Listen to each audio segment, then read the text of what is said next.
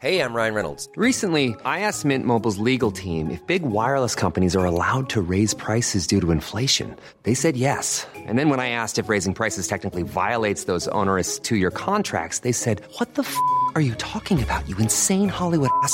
F- So to recap, we're cutting the price of Mint Unlimited from $30 a month to just $15 a month. Give it a try at mintmobile.com slash switch. $45 upfront for three months plus taxes and fees. Promo rate for new customers for limited time. Unlimited more than 40 gigabytes per month. Slows. Full terms at mintmobile.com.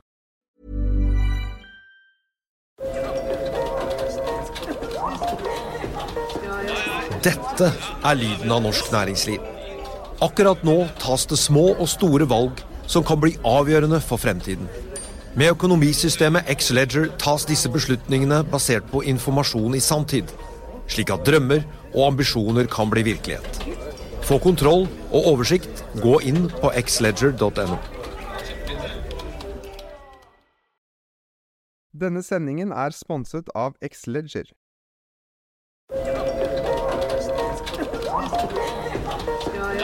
Dette er lyden av norsk næringsliv. Akkurat nå tas det små og store valg som kan bli avgjørende for fremtiden. Med økonomisystemet X-Leger tas disse beslutningene basert på informasjon i sanntid, slik at drømmer og ambisjoner kan bli virkelighet. Få kontroll og oversikt, gå inn på xledger.no.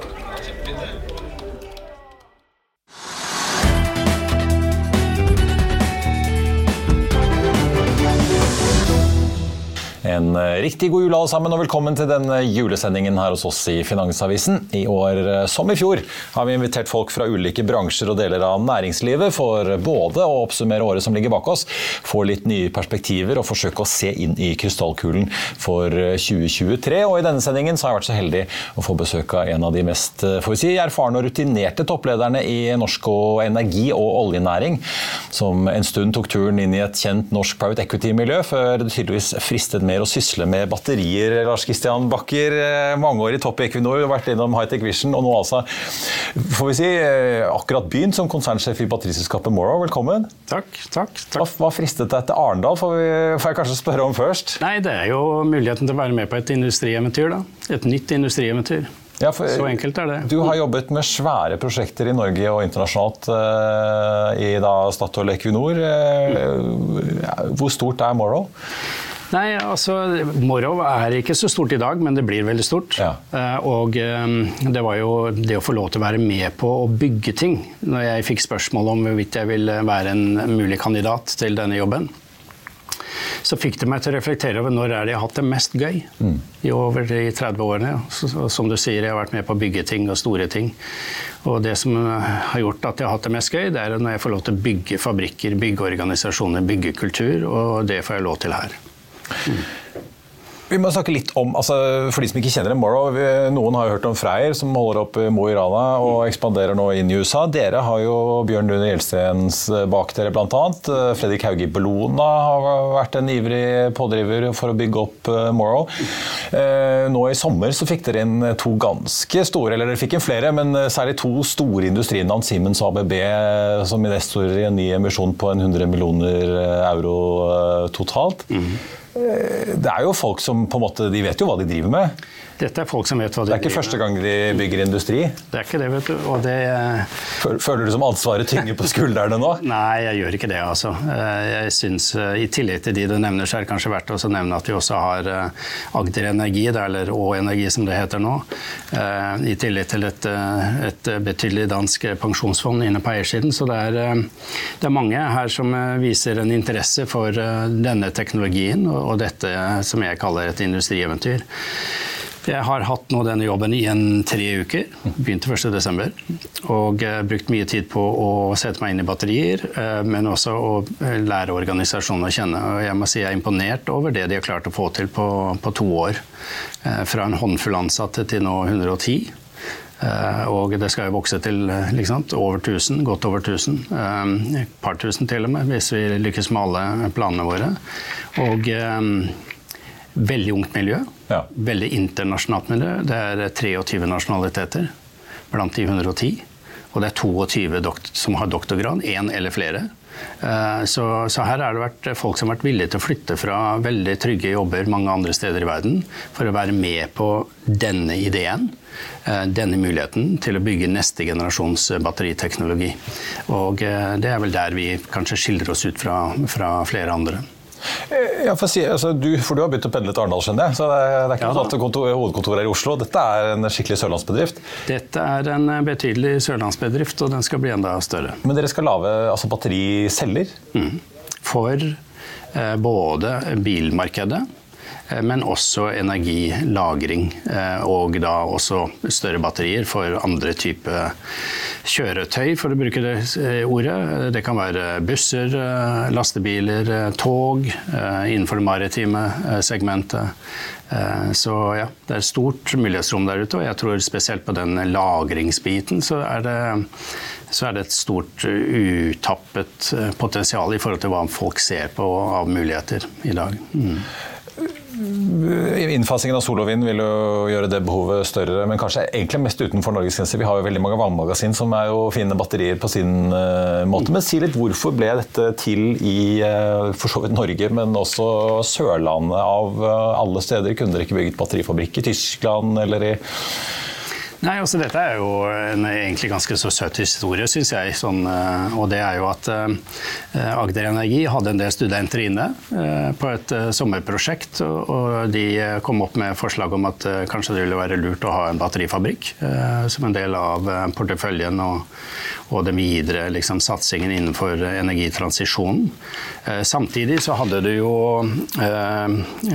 Fredrik Hauge og Eh, en av eh, de forskningssjefene jeg har nå, som som sammen med et par andre kom opp med en god idé på en andre generasjons batteriteknologi.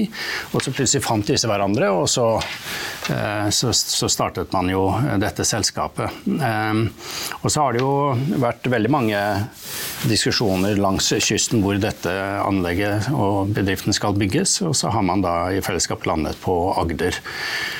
Og da er det jo Arendal eh, som vi har hovedkontoret, og vi skal bygge en stor fabrikk eh, oppe ved motorveien i 18.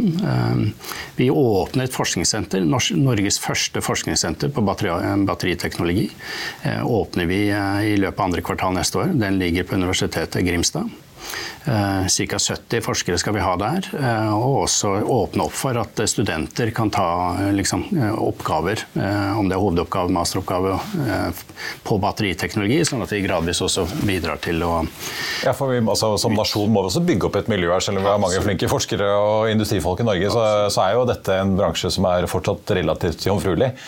Ja, ja, den er jo det. Eh, kanskje spesielt sånn hvis du tenker sånn i Norge, men eh, i verdenssammenheng så har den jo eksistert en stund. Mm. Eh, og det er jo, som jeg sier, 23 nasjonaliteter. Da. Folk som har jobbet i Samsung og bor i Sør-Korea og er villige til å flytte til Arendal for å være med på dette industrieventyret, f.eks. Så ja da, det er mange. Men hvor mye, ja, litt som du sier, Hvis alt går som det skal, og dette blir så stort som dere håper, så trenger dere over 2000 mennesker ansatt Eh, der nede.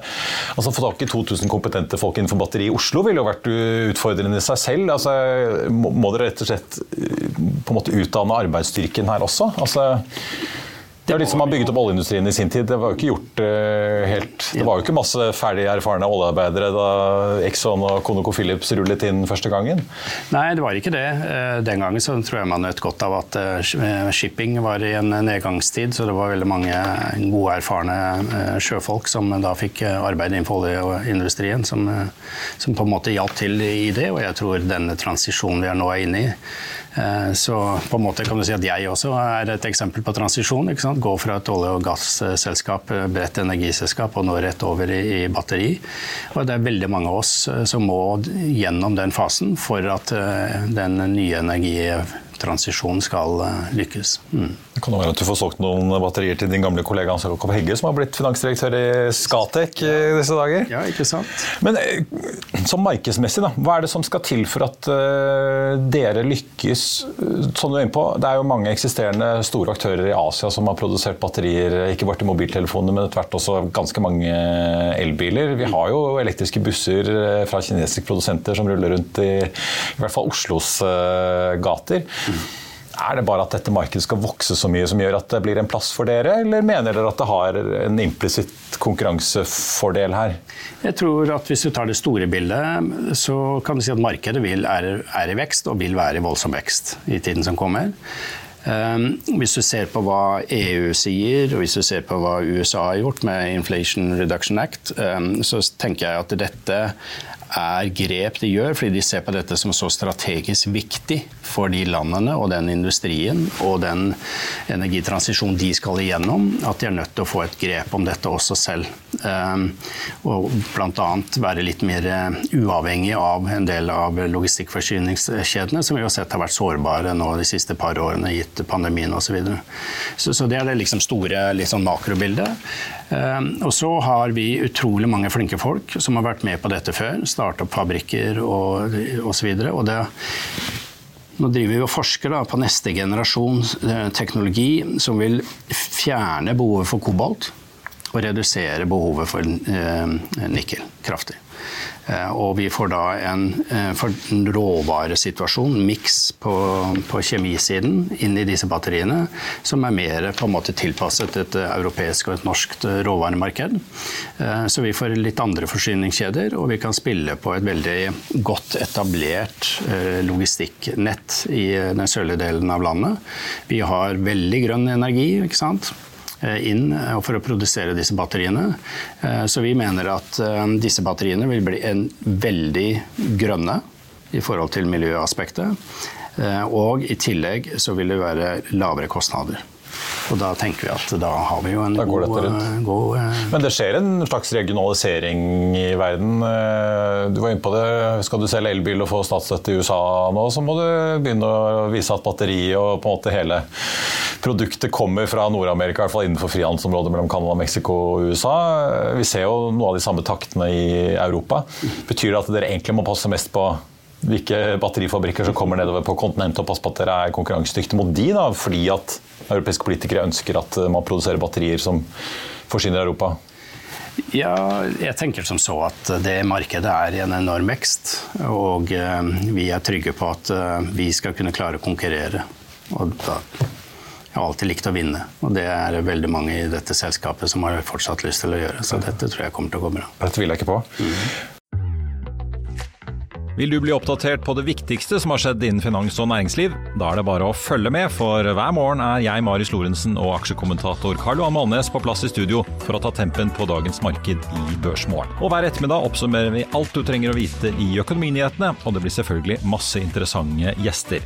Klikk deg inn på fa.no-tv, eller søk opp Børsmorgen og Økonominyhetene der du hører på podkast.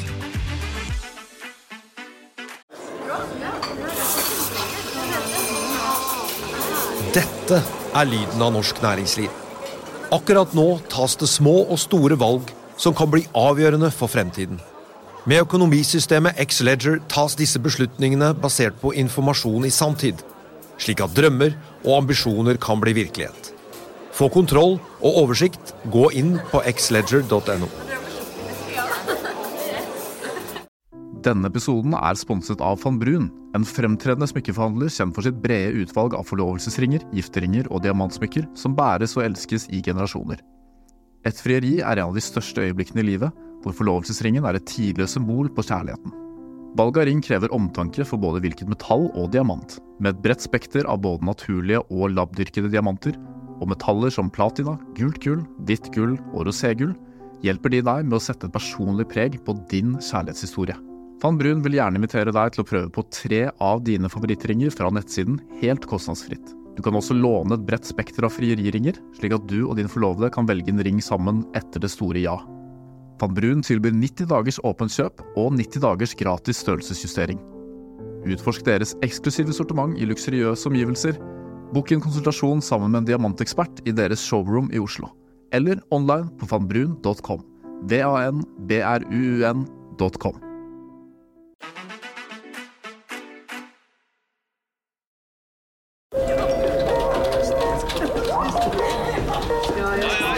Dette er lyden av norsk næringsliv. Akkurat nå tas det små og store valg som kan bli avgjørende for fremtiden. Med økonomisystemet X-Leger tas disse beslutningene basert på informasjon i sanntid, slik at drømmer og ambisjoner kan bli virkelighet. Få kontroll og oversikt. Gå inn på xledger.no. Men apropos, Du nevnte jo selv grønn energi. Strømprisen, da? Dere er ikke, Sammenlignet med noen andre, så er dere ikke kanskje plassert i den billigste strømregionen i eh, landet vårt. Hvor mye svir det? Men, og litt sånn fra kortsiktig kanskje spøk eh, til alvor, altså sånn på lengre sikt. Hvis vi får nå varige høyere energipriser også i eh, Norge i en god del år, hvor mye skader det caset her? I forhold til annen, eh, veldig mye annen prosessindustri, så er det veldig lav andel av våre driftskostnader som kommer til å være energi. 5-10% av batterikostnaden vil være energikost. Eh, Så det er klart, eh, høye kostnader eh, på energi eh, eh, straffer jo oss mer enn hvis de var lave, helt klart. Eh, Men samtidig, i forhold til det totale bildet, så er det ikke så altfor mye. Og så tror vi at, eh, og det er det mange som mener òg, hvis du leser markedsanalyser nå i tiden framover, så blir det nok en eh, stram vinter, eh, og det blir et veldig stramt neste år. Eh, Men etter det så vil jo stort sett Europa være av russisk gass og klare seg uten, og andre kilder for, sin, etter, for å dekke sitt energibehov. Og da tror jeg vi vil se mer normale eh, energipriser igjen. Ja, for nå er jo mye arbeid løst gjennom å importere voldsomme mengder LNG inn i Europa, som ellers har pleid å gå til Asia mye. Men det er jo en dyr erstatter, da. Sammenlignet med rørgass. Ja. Det er en dyr erstatter i en periode, tenker jeg. Mm. Så får vi se hvordan energimiksen utvikler seg. Da. Det er jo også veldig stor satsing på andre energiformer, fornybare, i Europa. Ja. Men, men som eh, såpass erfaren og rutinert energitopp, får vi si, eh, ble du overrasket over de voldsomme utslagene vi har sett i år?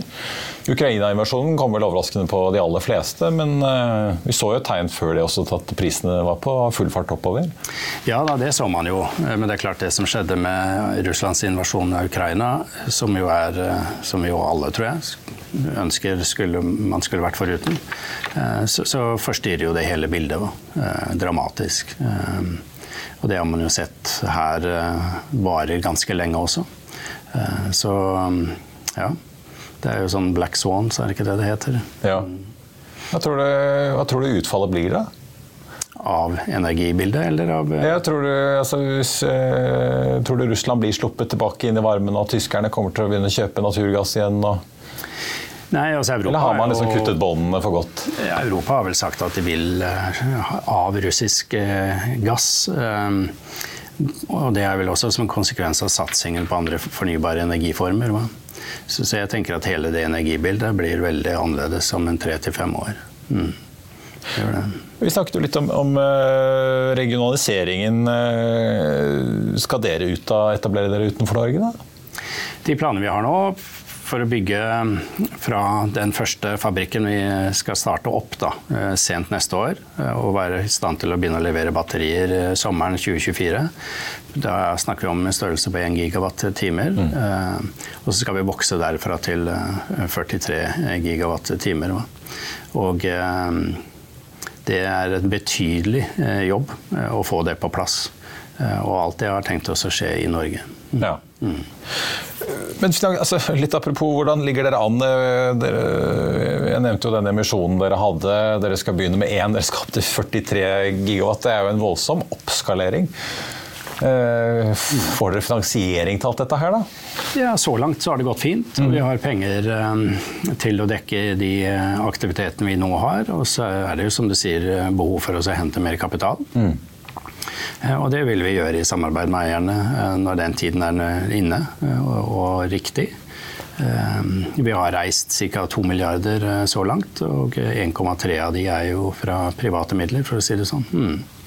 Ja, for det er, men det er liksom første fase fullfinansiert, eh, sånn at dere kommer i produksjon med de pengene dere har? Eh, Nesten. Nesten, ja. Nå, dere fikk jo, eh, Næringsministeren var jo fyr og flamme nede i Arendalsuken her i sommer. Det var jo før du begynte å jobbe riktignok. Men eh, fordi Siva da skulle dele ut eh, støtte til dere. De går jo inn som medeier i da, så jeg skjønner, selve eiendommen. De er medeier, eier to tredjedeler av selve fabrikken. Og da snakker vi om area, altså selve skallet. Selve bygget, ja. Selve bygget. Inne, innholdet i det bygget med, av produksjonsutstyr osv. Det skal vi eie 100 selv. Og så vil vi betale Morrow vil da betale leie til dette felles eiendomsselskapet, for å bruke det ordet. Ja. Riktig. Men når er det dere ser for dere at dere kan stå helt på egne ben med privatkapital uten risikoavlastning fra staten i dette her, da? Det tenker jeg at med de planene vi har nå, så vil det nok gå en håndfull år. Så vil vi ha en inntektsstrøm som dekker veldig mye av det kapitalbehovet vi har. Mm. Mm. Så da går hjulene av seg selv? Så da vil det jo gradvis gå av seg selv, ja. Mm. Og så tenker jeg at når du begynner å få i produksjon, levere batterier, så, så, vil også folk si at dette blir en realitet. Og da vil det også gradvis være flere og flere som viser interesse for å være med. Da. Og vi har jo faktisk produsert våre første batterier. Som på en måte en sånn A-sample, som vi kaller det. Som er første steg da, i en kvalifiseringsløp for endelige batterier. Og de batteriene er produsert og levert til ulike kunder, så nå testes de. Ja. Men liksom, hvordan skal dere produsere samme modulen til alle disse ulike, og så settes de inn i ulike kabinetter? Eller dere, er det sånn at man må i denne industrien lage ulike moduler for ulik bruk? Dette er et veldig viktig og sentralt spørsmål. Fordi de forskjellige brukerne ofte har forskjellige spesifikasjonskrav. Så du må på en måte møte det da, for, å, for å få avsetning på produktene dine. Og da kan det godt være det at ikke du måte klarer å dekke alle mulige kunder. Da. Og det er kanskje ikke nødvendig heller i forhold til det volumet vi snakker om. Vi har jobber med fire ulike batteriteknologier. Og de produksjonslinjene vi setter opp, skal, vil kunne brukes på alle fire. Mm. Så det er en stor fleksibilitet. Da. Og det er jo med på å redusere si, risikoen, men også eh, redusere kostnadene. Mm. For å få dere til 43, åpenbart må dere jo bygge stort der nede i Arendal. Men handler det egentlig bare om å få nok kontrakter? Det handler om å få nok kontrakter på innkjøpssiden. Og vi har signert nok kontrakter nå for å dekke liksom, behovet for den første fabrikken. Så må du ha et kundeside, avtak, og det jobber vi med. Vi har en rekke intensjonsavtaler på det. Og det med å teste batteriene er jo en del av liksom kvalifiseringen opp imot å, få commitment da, på forpliktelse på, på kjøp av våre batterier. Og så er det klart bilsegmentet er et område, og så har du det store lager og de store transportmidlenes batterier, som er av en helt annen størrelse. Så, så, her er det litt skreddersøm, men samtidig en god fleksibilitet i produksjonsanlegget. Mm. Mm. Så en av toppene i Volkswagen uttrykte litt sånn bekymring for denne batteriindustriens evne til å klare seg på sikt. Hva, liksom, hva ser dere som de største utfordringene liksom, som må løses hvis dette skal ta av, bli lønnsomt og kunne bære seg selv fremover? Nei, Det er jo gjerne en kombinasjon av både tilbud og etterspørsel, tenker jeg. da. At tilbudssiden må være der med, med gode batterier, med tanke på både kost og eh, miljøaspektet eh, knyttet til selve produksjonen. Eh, og det vil jo vi kunne klare å levere på. Og så har du Ja, Det får vi satse på. Ja.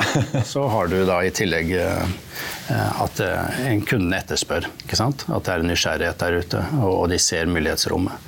Jeg tror det er stort mulighetsrom blant mange i forhold til det å ha lagring av strøm, og kjøpe den strømmen når den er billig, for å slippe å kjøpe når den er dyr.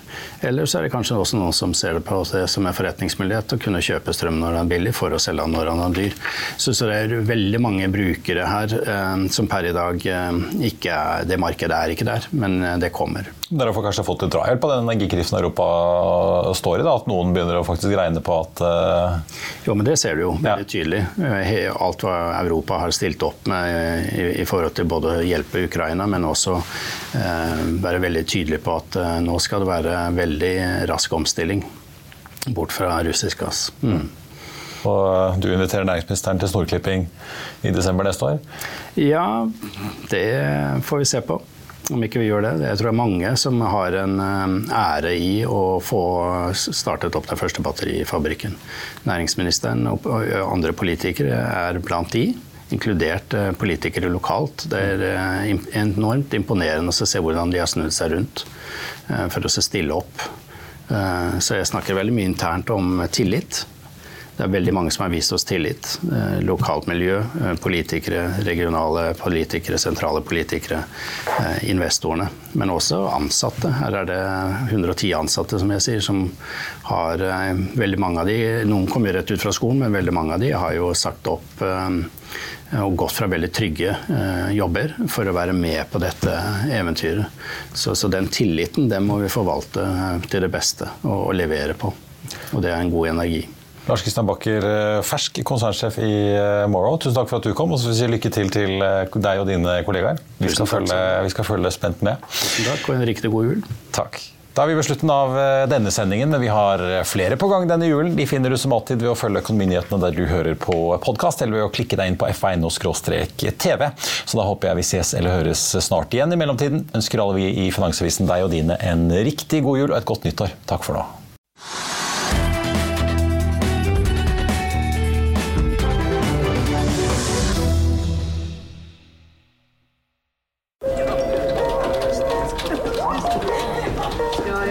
Dette er lyden av norsk næringsliv. Akkurat nå tas det små og store valg som kan bli avgjørende for fremtiden.